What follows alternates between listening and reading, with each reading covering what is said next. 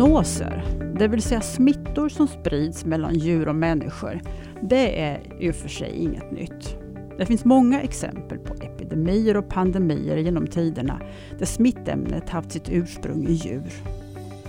Vi har till exempel flera vågor av pesten som orsakades av en bakterie som överförts via loppor från råttor.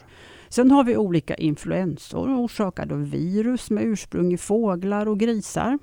Ett annat exempel är aids orsakat av hiv, ett virus som kom från apor.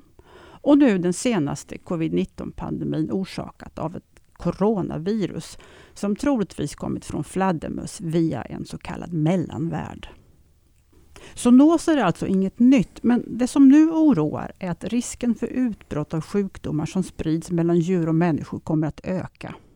Bland annat på grund av klimatförändringarna, men också på grund av andra mänskliga aktiviteter som gör att vi förstör djurens naturliga miljöer.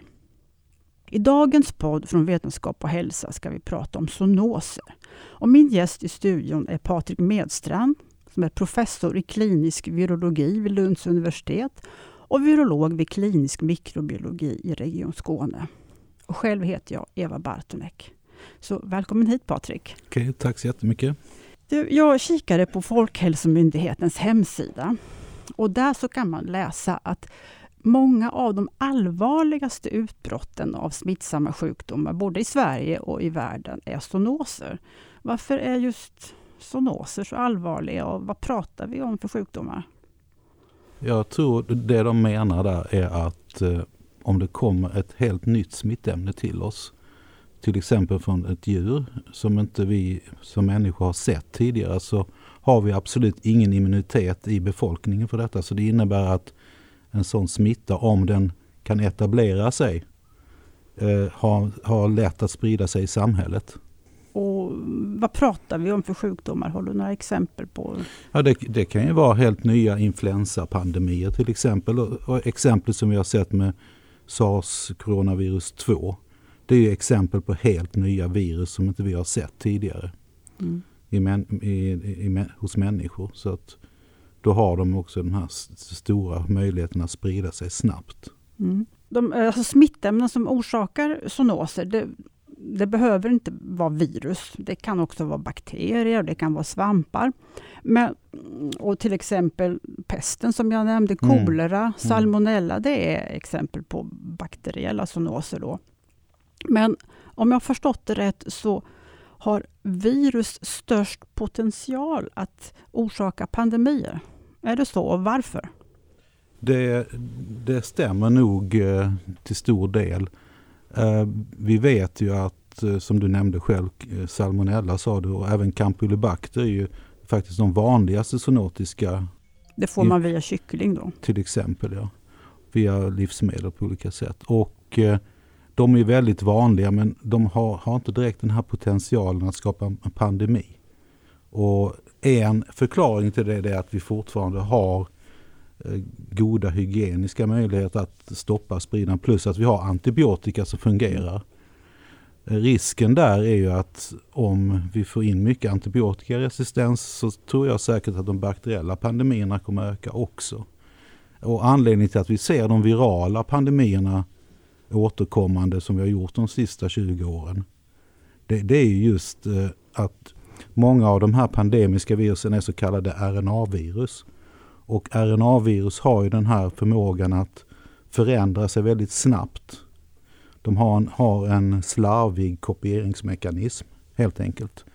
Och Så de muterar väldigt snabbt? De muterar väldigt snabbt och det blir en stor genetisk eh, variation som gör att de kan anpassa sig bättre för olika saker. Till exempel att föröka sig i våra celler, att binda in starkare till ytproteiner på våra celler och på så sätt också eventuellt orsaka kraftigare sjukdom.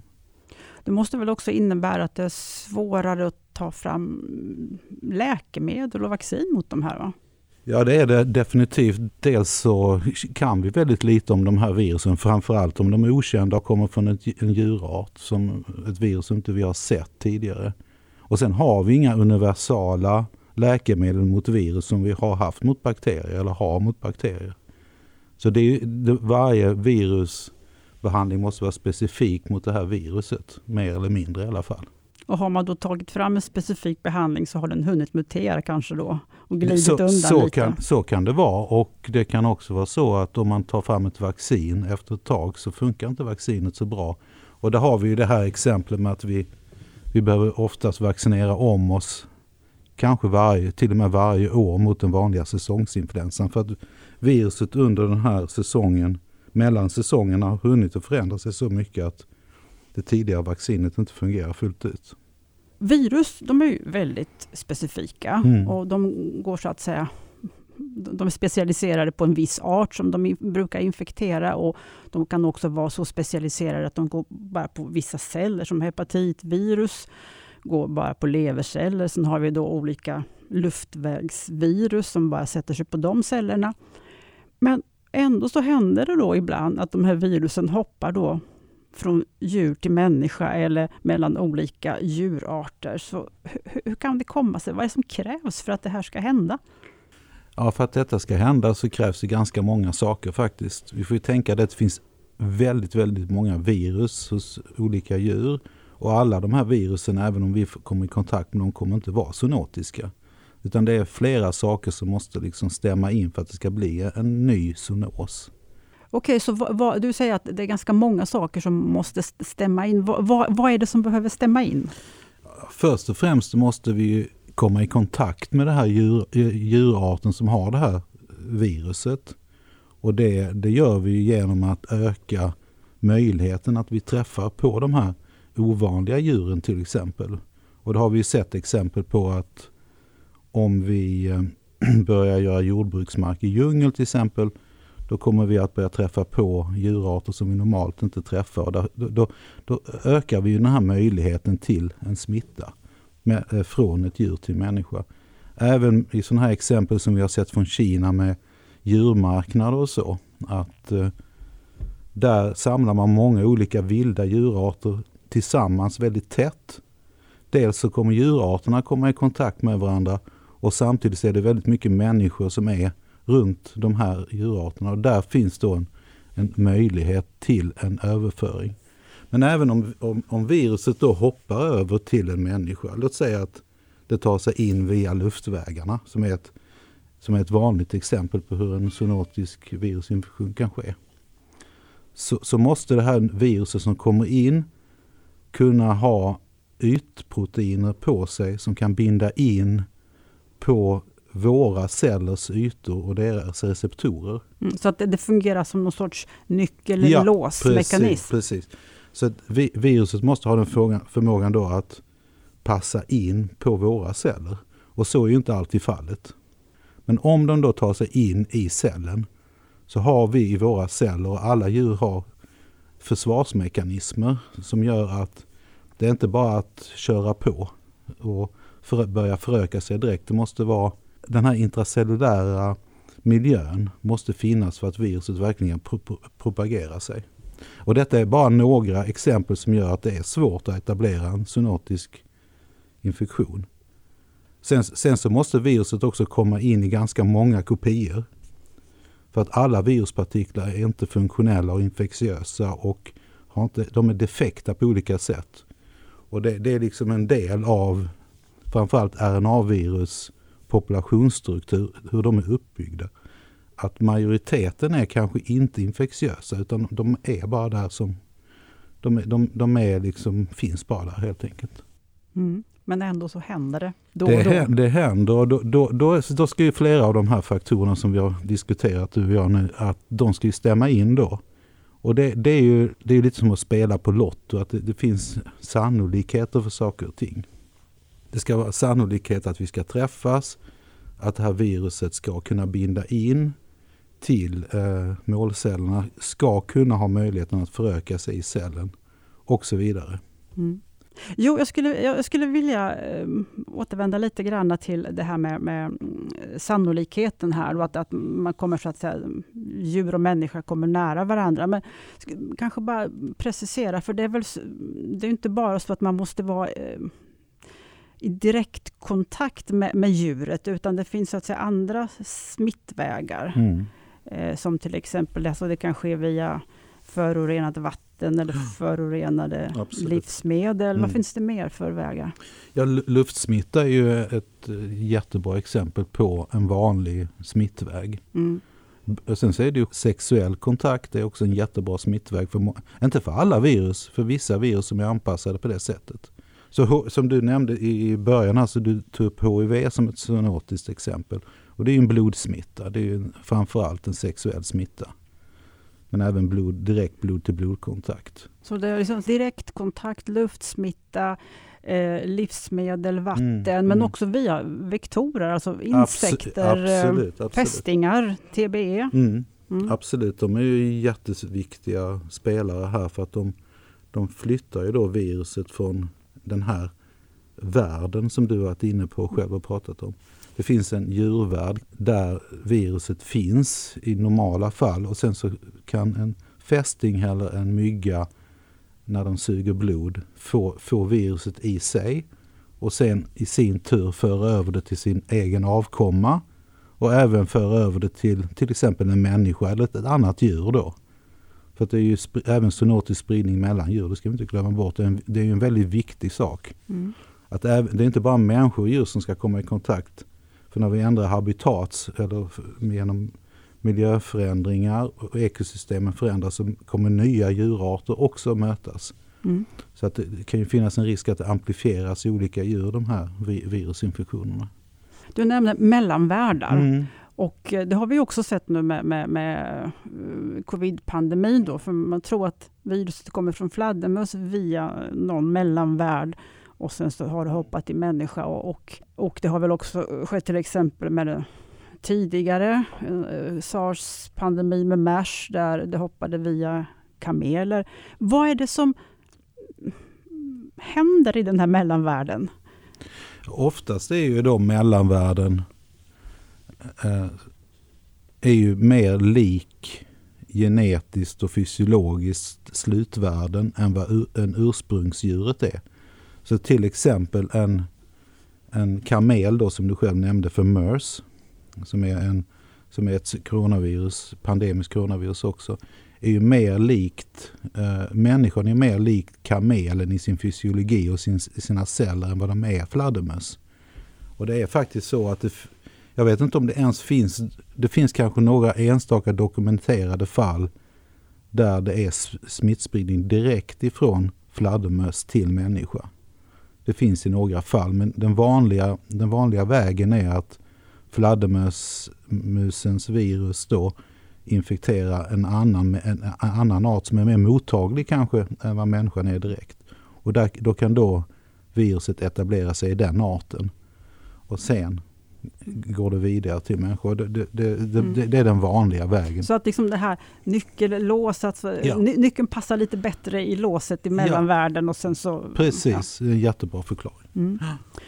Okej, eh, jag tänkte jag skulle återvända lite grann kring det som har med klimatförändringar att göra. För i våras så kom det en artikel i tidskriften Nature och den handlade om att man hade utvecklat en prediktionsmodell då som, som visade att just zoonoser kommer att bli mycket vanligare på grund av klimatförändringar och det har att göra med att ja, djur blir helt enkelt tvungna att flytta. De kan inte bo kvar i sina vanliga miljöer och sen så nya arter som inte brukar träffas kommer samman och så vidare.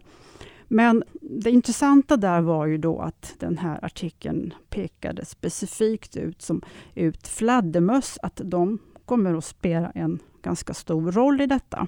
Och eh, för en dryg månad sedan så fick jag möjligheten att intervjua virusforskaren Karen Mossman som är professor vid McMaster-universitetet i Kanada. Och hon var ju på besök här i Lund då i augusti. Och hon studerar virus och hur de tar sig förbi immunförsvaret och på hennes labb så, eh, så studerar man också fladdermöss. De har en sån här bat lab. Så jag frågade henne varför just fladdermöss har pekats ut som the bad guys och hon, hon svarade så här. So I don't want people to think that bats are the bad guys because in many ways we are completely reliant on bats. They're natural pollinators. They're so important ecologically. Um, and there's a lot we can learn from bats. But the reality is, one of the reasons bats are are so involved in, in the zoonotic process is they are a very abundant species. They are the most diverse species, you know, 1,400 approximately different species of bats. They are very, very long lived. They can fly very, very long distances.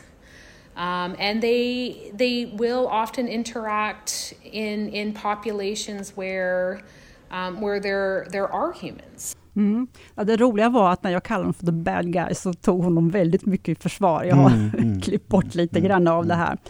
Men, men som sagt, hon säger att, att ja, det har att göra med att de är så många, så många olika arter och så många olika individer och, och att de kan flyga. De är ju faktiskt de enda däggdjur som flyger. Vill du kommentera det här lite mer? Nej, men det är ju en väldigt framgångsrik art eh, bevisligen. De har lyckats diversifiera sig och hitta olika ekologiska nischer som de har gjort. Och det är också alla de här arterna är ett direkt bevis på det att de har anpassat sig väldigt väl efter sina miljöer. Och i och med att de gör det då har de också en väldigt viktig roll i ekosystemen där de är. De äter ju väldigt många olika saker de här fladdermössen, det lilla jag vet. De, de, är väldigt viktiga för att hålla insekters eh, nivåer på rimlig nivå. Annars skulle det kanske bli insektsinvasioner. Så att de är inga bad guys. Jag håller full, fullständigt med Karen i hennes kommentar att de är en otroligt viktig del av vårt ekosystem. Mm, och det som är är rätt fascinerande med de här fladdermössen också är att de är riktiga virusreservoar. Alltså de bär på en massa olika virus då som, som vem som helst annars skulle bli väldigt sjuk av. Eh, men de blir inte sjuka. Så jag frågade mm, Karen Mossman om varför fladdermöss, hur de klarar av det här. Och då svarade hon så här. So in many ways we don't know exactly why bats don't get sick. But in general, we do see that bats can either naturally carry viruses or through sequencing, or we can experimentally infect viruses and they don't show any signs. Now, the reason we think they don't show signs of infection is because they don't make what we call pro inflammatory cytokines. And it's the pro inflammatory cytokines that give the symptoms of an infection. So they don't appear sick.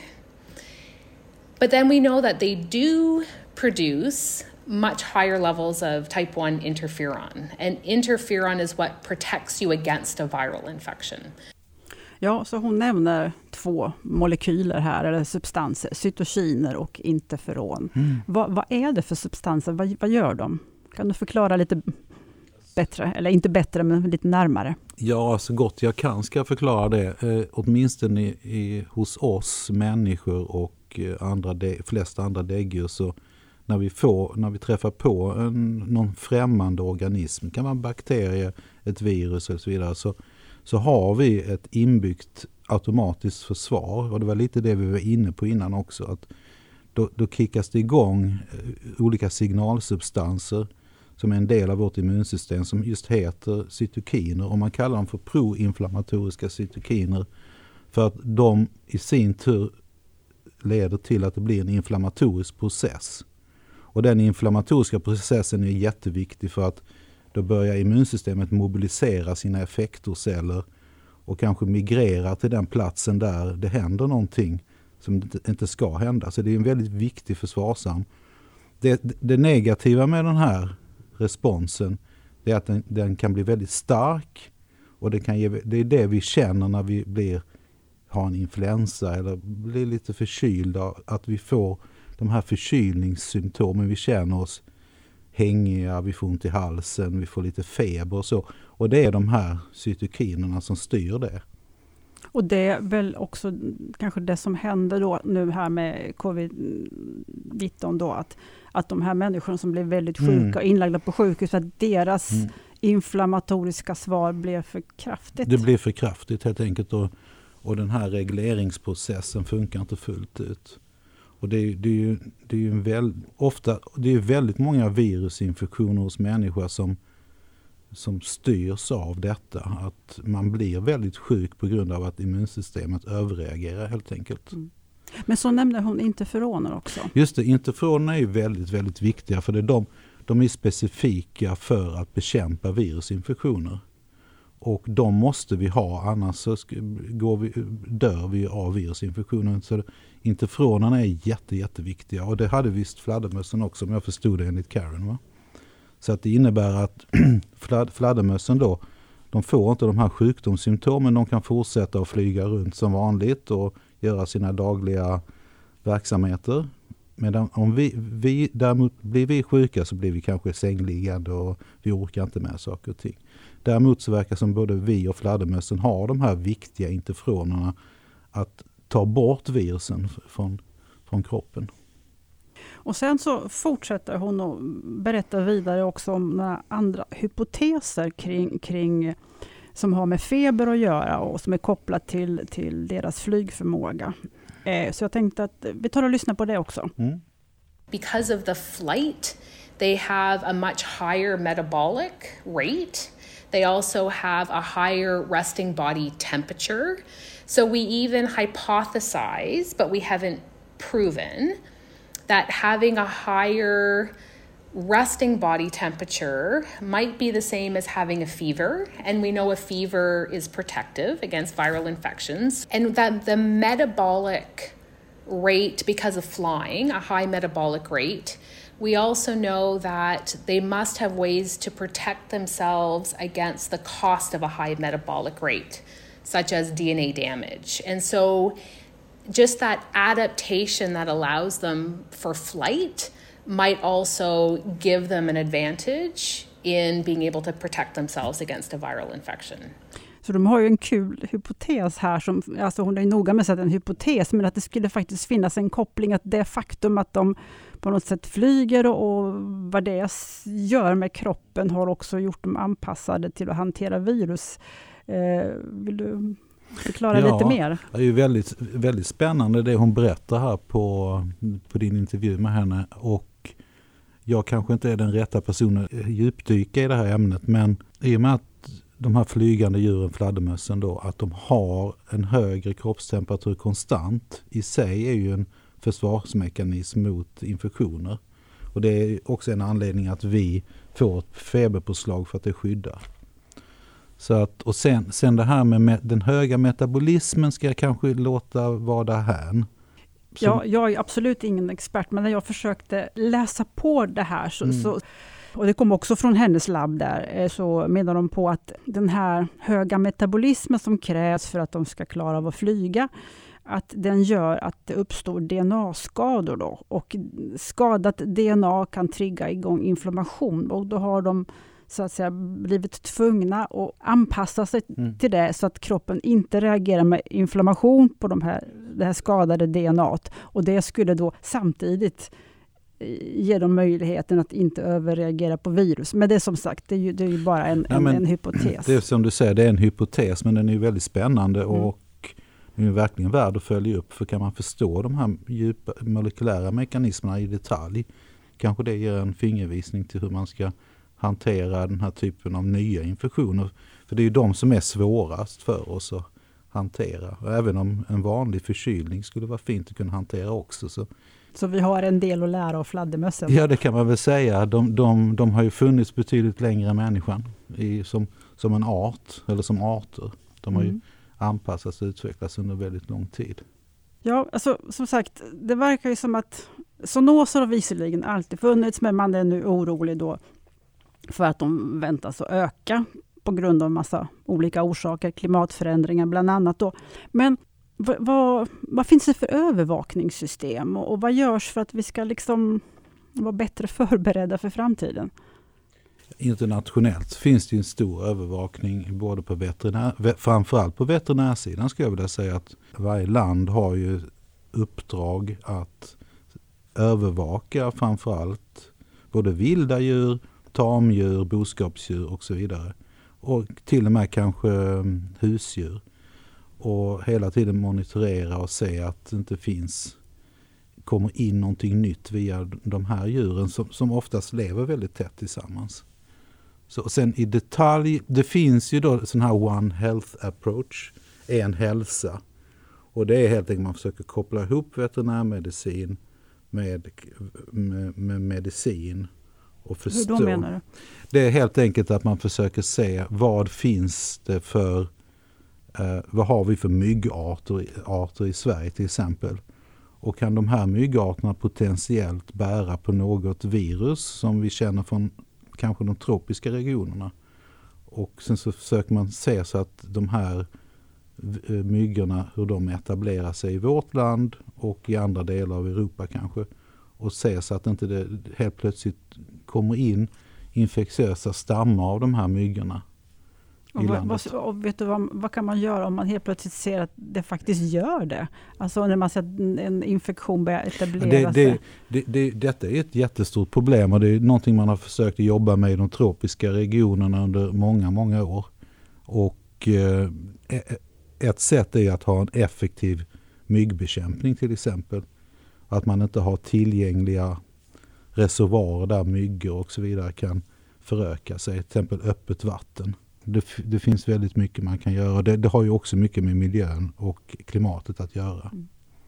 Det är sådana insatser som krävs. Vad skulle du säga att vi har lärt oss av senaste pandemin, om vi har lärt oss om något? Vi, vi har väl blivit påminda om hur förfärligt en pandemi kan vara. Vi hade den största pandemin vi har haft tidigare, det var ju 1918 med den så kallade spanska influensan som var en pandemisk influensa. Och det dog ju väldigt, väldigt många människor. Men så har det, det var ju länge sedan. Och eh, vi kanske har glömt konsekvenserna av detta. Jag tror också konsekvensen är att vi insåg tidigt att det är inte bara medicinska problem, även om det är fruktansvärt att så många människor dör. Utan det, är, det handlar om ekonomiska aspekter och många andra aspekter som påverkade oss alla runt om i världen. Och det var väldigt svårt att hantera det här för att vi har ingen erfarenhet helt enkelt. Men vi har väl lärt oss en hel del. Ehm, och kanske det vi har lärt oss är att det är väldigt, väldigt viktigt att förstå hur många människor är infekterade vid en given tidpunkt. Att testa människor. Och det kom igång, men det kom igång sent. Men det kanske inte är så konstigt heller, vi hade inte resurserna på plats. Att, eh, så att det finns mycket vi har lärt oss, det tror jag. Någon har sagt att alltså, eh, den här covid-19-pandemin var ju trots allt inte så, även om det var väldigt många människor som dog, så var den ju inte så dödlig om man tittar på det procentuellt sett. Eh, att, man, att det här var någon sorts genrep inför the big one. Vad skulle liksom, vilken typ av pandemi är man mest rädd för? Ja, WHO och andra organisationer har ju arbetat väldigt mycket med det här. Att försöka prediktera vad kommer nästa gång? Och då har man ju självklart utgått ifrån det vi vet för att det är svårt att, in, att utgå från det vi inte vet. Men det, den listan toppas ju av zoonotiska virus och olika sorter. Och ett virus är det här Lassa-viruset från Västafrika som finns hos gnagare till exempel. Och anledningen är att man har sett att under de senaste årtiondena så har det varit mer och mer zoonotiska utbrott i regionalt förvisso. Men Vad gör det här viruset? Det orsakar någon typ av blödarfeber liknande ebola. Så det är förhållandevis hög dödlighet. Och, eh, och detta är också ett vir, virusinfektion som är svår att kontrollera för att den finns hos gnagare och gnagare finns överallt runt om oss. Andra virus som de har identifierat är ju olika typer av nya coronavirus. Olika fladdermös coronavirus som man spekulerar i att det borde kunna ske. Och coronavirusen har ju visat sig vara goda kandidater nu till att skapa zoonotiska överföringar. De senaste 20 åren så har det skett tre gånger vad vi känner till. Och det, det är ett virus som, som finns i stort sett hos alla däggdjur också. Så det verkar vara ett virus som kan anpassa sig väldigt snabbt till nya arter. Men det, mer forskning får ju visa det såklart mer forskning behövs med andra ord. Ja, definitivt. På den här sidan behöver vi det. Ja, men det tror vi får sätta punkt här. Det får bli sista ordet i den här podden. Tack Patrik Medstrand, professor i virologi, för att du ville vara med. Tack själv, det var jättetrevligt att få sitta och prata med dig om det här. tycker jag. Och vi får tacka Karen också. Väldigt bra inlägg hon hade. Ja, det tycker jag också. Och ni som har lyssnat, om ni blev nyfikna på att lära er mer om virus och zoonoser så släpper vi den 4 november en hel tidning på tema virus. Och inte nog med det, den 7 och 8 november är det dags för Forskningens dag som är ett populärvetenskapligt arrangemang med titeln När världen blir viral om virus och pandemier. Evenemanget går av stapeln i Malmö och Lund men det kommer att finnas möjlighet att följa det på webben också både i direktsändning och i efterhand. Och all information, både om tidningen och forskningens dag, hittar ni på vetenskaphalsa.se. Ljudtekniker idag har varit Daniel Nandigobbe, Skånes universitetssjukhus och själv heter jag Eva Bartonek. Tack för att ni har lyssnat.